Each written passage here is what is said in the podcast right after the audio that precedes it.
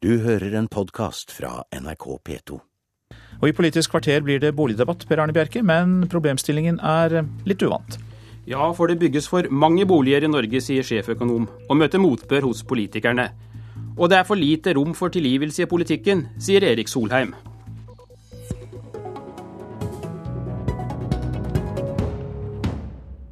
Familier setter seg i bunnløs gjeld for å få tak over hodet. 15 000 studenter står i boligkø, og ungdommen har ikke råd til å flytte fra mamma og pappa. Men du mener problemet er at vi bygger for mange boliger, sjeføkonom i Nordea Steinar Juel. Hvordan kan du si det?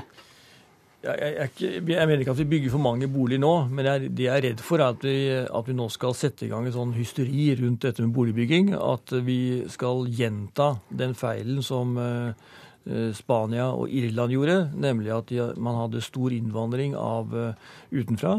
Og det skapte, fordi man hadde kraftig vekst i økonomien. Det skapte mye behov for både veier og boliger og skoler. og alt som er. Og så bygde man, og så skapte det igjen enda behov for enda mer boliger. Og så var man inne i en spiral som ga en både bygge- og boligboom. Uh, og, og så sprakk det. Hysteri, sier du, men er det ikke nettopp flere boliger vi trenger da, når ungdom ikke greier å skaffe seg tak over hodet? Nei, altså, altså, At vi bygger bolig er, er, på et nivå som vi nå gjør, har ikke jeg noe problem med å gjøre. Og at man også eventuelt uh, speeder opp uh, saksbehandlingen i kommunen og sånn, det er helt greit. Men uh, jeg ser litt sånn tilløp til den diskusjonen man nå har, om at nå er det håpløst å få bolig, og nå er det håpløst å, å kjøpe bolig, og det er så dyrt. Men ser du også på reelt hva folk betaler for en bolig nå, med renter og avdrag når de kjøper en bolig, så er ikke det spesielt høyere enn det det var for bare få år siden. Fordi renten er lav. Dette er rentedrevet, mye drevet av at det er billig å låne.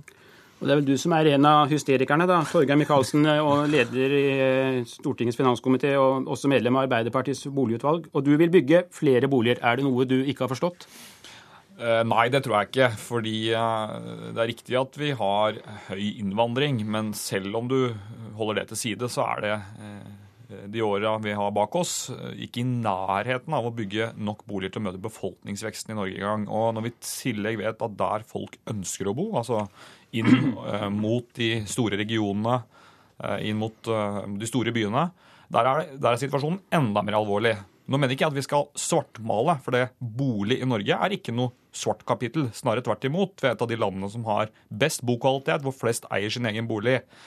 Men jeg tror at uh, vi ikke kommer utenom at uh, hvis vi i åra som kommer, også skal ha anledning til folk som ikke har de aller høyeste inntektene, til å bo i nærheten av der de kunne tenke seg å jobbe, så må vi bygge flere boliger. Uh, og alternativene er å enten kutte kraftig tilgang på kreditt, eller drastiske skatteendringer som jeg ikke ønsker å ta til orde for.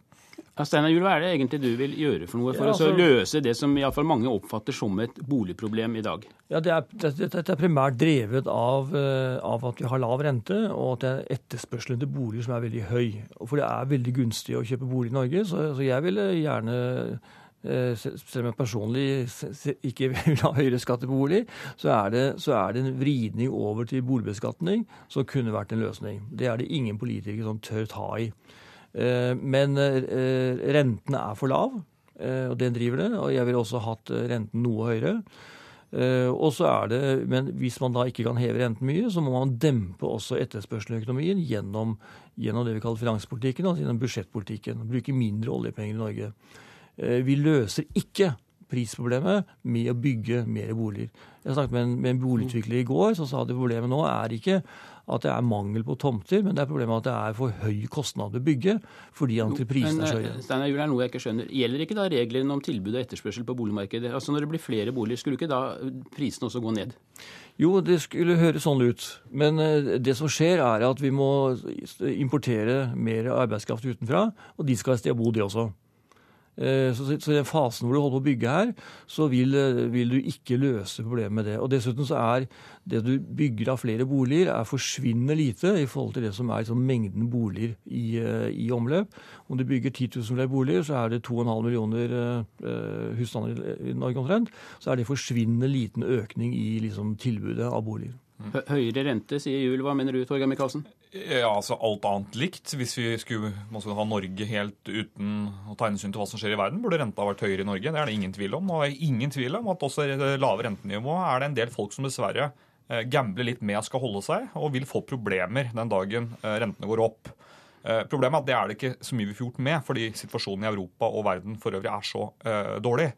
Uh, men jeg er enig i at det også er kredittdrevet, den uh, prisutviklingen vi ser på bolig. Det er derfor bl.a. jeg har sagt at vi ikke bør overstyre Finanstilsynet, som har satt noe krav om 15% egenkapital ved inngåelse av nye boligkontrakter. Det er, det, det er svært omstridt politisk, men det er riktig å gjøre det, fordi det kan Eh, sikre at folk ikke kommer i problemer hvis boligprisene skulle falle. Men jeg syns likevel det blir for lettvint å si at man bare eh, ja, får trekke på skuldrene og gjøre ting som alle vet er helt, uh, altså, helt umulig å gjøre over natten, nemlig et svært omlegging av skattesystemet. Det er heller ikke ønskelig, for jeg ønsker at folk skal kunne bo i sin egen bolig. Uh, så jeg mener at svaret må uansett bli at vi må legge til rette for å bygge flere boliger. Og vi må bygge mer variert enn i dag. Flere utleieboliger, langt flere studentboliger og en mer variert boligutbygging i og rundt de stedene. Og så må jeg si til slutt en måte å løse dette på er å bygge mye mer jernbane inn og ut av de store byene. Slik at man kan f.eks. bosette seg i Mjøndalen, hvor jeg kommer fra, hvor boligprisen er noe helt annet enn det er i Oslo. Steinar Juel, Er problemet egentlig at vi bygger altfor kostbare boliger? At vi har vent oss til en altfor høy standard? Ja, det kan godt være det. Og til dels også at, eh, at, at, man kanskje tror at alle skal bo i eh, sentrum av Oslo, for å si det sånn, eller sentrum av store byene. At kravene er veldig store til det. Og det er, du skal ikke langt ut av byen før prisen er helt annerledes. Så det, jeg er helt enig med det du sier her, at eh, å, å bedre jernbane og kommunikasjonen inn til de store byene vil hjelpe kolossalt. Michaelsen? Ja, og så skal vi selvfølgelig legge til rette for en, en, stram finanspolitikk. Det er krevende økonomiske tider generelt. og Jeg oppfordrer alle til å være nå forsiktige med hva man påtar seg av uh, ny boliggjeld. Den lave renta vil ikke vedvare. Og så skal vi politikere prøve å gjøre det vi kan for å gjøre en, eh, en, en, en, forsiktig, men riktig utbygging av mer boliger enn i dag. Jeg tror det er riktig grep. Du vil ikke følge rådet til jul altså om å skru på bremsene og ikke bygge så mange boliger fremover? Ja, men Problemet er at vi bygger ikke så mange boliger. Eh, først nå i år har det tatt seg ordentlig opp. Men hvis du ser sammenlignet med hvordan befolkningsutviklingen har vært de siste årene i Norge, så er vi ikke i nærheten av å møte det behovet med eh, økt boligbygging. Så jeg er litt overrasket over at man bare ensidig skal si noe at nå får man da legge boligplanen i, i, i, eh, altså i, lomma, og så får man si til folk at vel, vel, de høye boligprisene de får bare vedvare. Eh, eller gjøre helt eh, urealistiske grep på skatt- eller kredittsiden. Det er egentlig det som er alternativet, etter min mening. Jeg sier ikke at man skal legge bolig, alle boligplaner på, på, hylla. Det sier at, man, at vi må ikke sette i gang noe hysteri om at man, bare, at man, kan bygge seg ut av at boligprisene nå er høye. Det, det er rentedrevet mye, mye, Og jeg advarer mot at man liksom setter i gang en prosess som gjør at vi ender opp der Irland og Spania er. Vi er ikke der ennå, og det er langt fram til vi er dit. Men det begynte også slik i de landene for en 15 eh, år siden. Så jeg advarer mot at man liksom gjør det. Mikael kan du være så sikker på at ikke vi ender opp nettopp i en sånn situasjon at vi sitter der med, om ti år med boliger som folk ikke har råd til å bo i? Uh, nei, men jeg er ikke sikker på det. Uh, og det er derfor jeg er veldig forsiktig når jeg sier hva folk nå bør ta høyde for, både av renteøkninger og hva man tar på seg av gjeld. Og det er derfor jeg også ikke har ønska å overstyre Finanstilsynets krav om 15 av egenkapital til høylytte protester fra mange. Det er å være ansvarlig, men ansvarlighet handler også om at folk må ha et tilbud om å bo i, i, i, si, i rimelig nærhet av der man Eh, skal jobbe.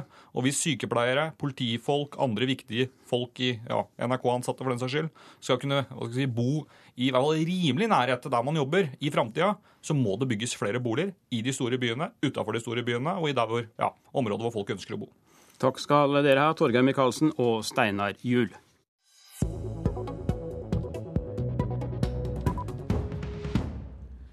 Denne uka sto stortingsrepresentant Tor Erik Forsberg frem og innrømmet at han hadde brukt cannabis. Narkotikabruken koster ham plassen som representant for Østfold Arbeiderparti. Det hjalp ikke at han angret og beklaget. Jeg beklager det tillitsbruddet som mange opplever at dette her er. Det er jeg lei meg for. Det er et tilbakelagt stadie.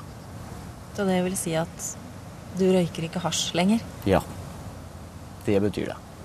Vi som folkevalgte eh, som lager og vedtar lovene, eh, vi har et spesielt ansvar for å eh, følge dem. Når det er tre uker siden han sist røkte cannabis, så kan vi ikke konkludere med at den perioden er over. Men derimot kan han etter fire år fortelle oss at uh, hans uh, bruk av narkotiske stoffer er over. Så er jeg helt sikker på at han vil konkurrere om en plass på Stortinget igjen. Ja, Her hørte vi også nestleder i Arbeiderpartiet Helga Pedersen og lederen i nominasjonskomiteen i Østfold Arbeiderpartiet, Arne Øren. Og det er jo ikke bare i Arbeiderpartiet at representanter er blandet inn i narkotikasaker. I mars i år ble stortingsrepresentant for Høyre Henning Valo siktet i en mindre narkosak. Også han blir kastet ut av Stortinget etter at nominasjonskomiteen i Hordaland har lukket døra for ham. Erik Solheim, Solheim tidligere miljø- og utviklingsminister og SV-leder. Må det være slik at det ikke skal være lov for en politiker å feile? Jeg syns det vi hørte av Arne Øren fra Østfold Arbeiderparti her, var, var kloke ord. Jeg tror det er helt avgjørende at vi skaper en kultur for tilgivelse i norsk politikk. Tilgivelse av politiske feil, men også tilgivelse av personlige feil. Ellers vil man få livredde politikere og en kultur hvor folk skal starte så å si femårsalderen med å planlegge å bli politiker for ikke å ha gjort noe feil. Det er vanskelig, eh, så rart det enn kan høres ut, det er vanskelig internasjonalt å se noen sammenheng mellom å ha levd perfekte, plettfrie liv og å være eh, gode politikere. Så du vil eh, åpne for at politikere som, er, politikere som er litt mer frynsete, også skal ha lov til å gjøre en stor karriere, selv om de da har vært borti narkotika eller alkoholmisbruk eller den slags? Jeg tror det er helt avgjørende at mennesker som har levd liv, spiller en rolle i politikken. Under amerikanske borgerkrigen så var den generalen som vant borgerkrigen for nordstatene, US Grant, han var kjent for å drikke mye whisky. Eh, da Abraham Lincoln fikk klage på det, så sendte han ut brev og sa at eh, men la oss få vite hvilken whisky han drikker, så skal jeg be de andre, andre generalene drikke den samme whiskyen. Og Churchill hadde gjort eh, veldig mange og store, alvorlige politiske feil før han i våren 1940 kom inn i Storbritannia og reddet Storbritannia og reddet oss alle. Men eh, må vi ikke kunne forvente Solheim, at folkevalgte politikere følger lovene de selv har vært med på å vedta, slik Helga Pedersen nettopp var inne på? Jo, selvsagt skal de som er på Stortinget følge lovene. Alt annet eh, er meningsløst. Men det må også være tilgivelse for hva folk har gjort i fortid. Og det må være mulig å se litt storsynet på det. Eh, jeg kan fortsette med eksempler. George Bush hadde gått på fylla i 20 år. Det var ikke det som gjorde han til en dårlig president i USA. Eh, Bill Clinton, som var en mye bedre president, eh, hadde jo, for å si det veldig veldig forsiktig, en del ting ved sitt privatliv som ikke står til terningkast seks. Men her i Norge er det åpenbart litt annerledes. Så er vi blitt eh, litt for opptatt av revisjon og kontroll, og at alt skal være perfekt? Jeg syns det er to motstridende trender i norsk politikk samtidig. Den ene er det som kommer etter 22.07-kommisjonen, nemlig et krav om en politisk og embetsmessig kultur for å kunne handle, for å tørre å ta personlig risiko, for å vise ledelse. Og det andre er det, er det jeg kaller ingeniørkulturen, eller bygge landet-kulturen.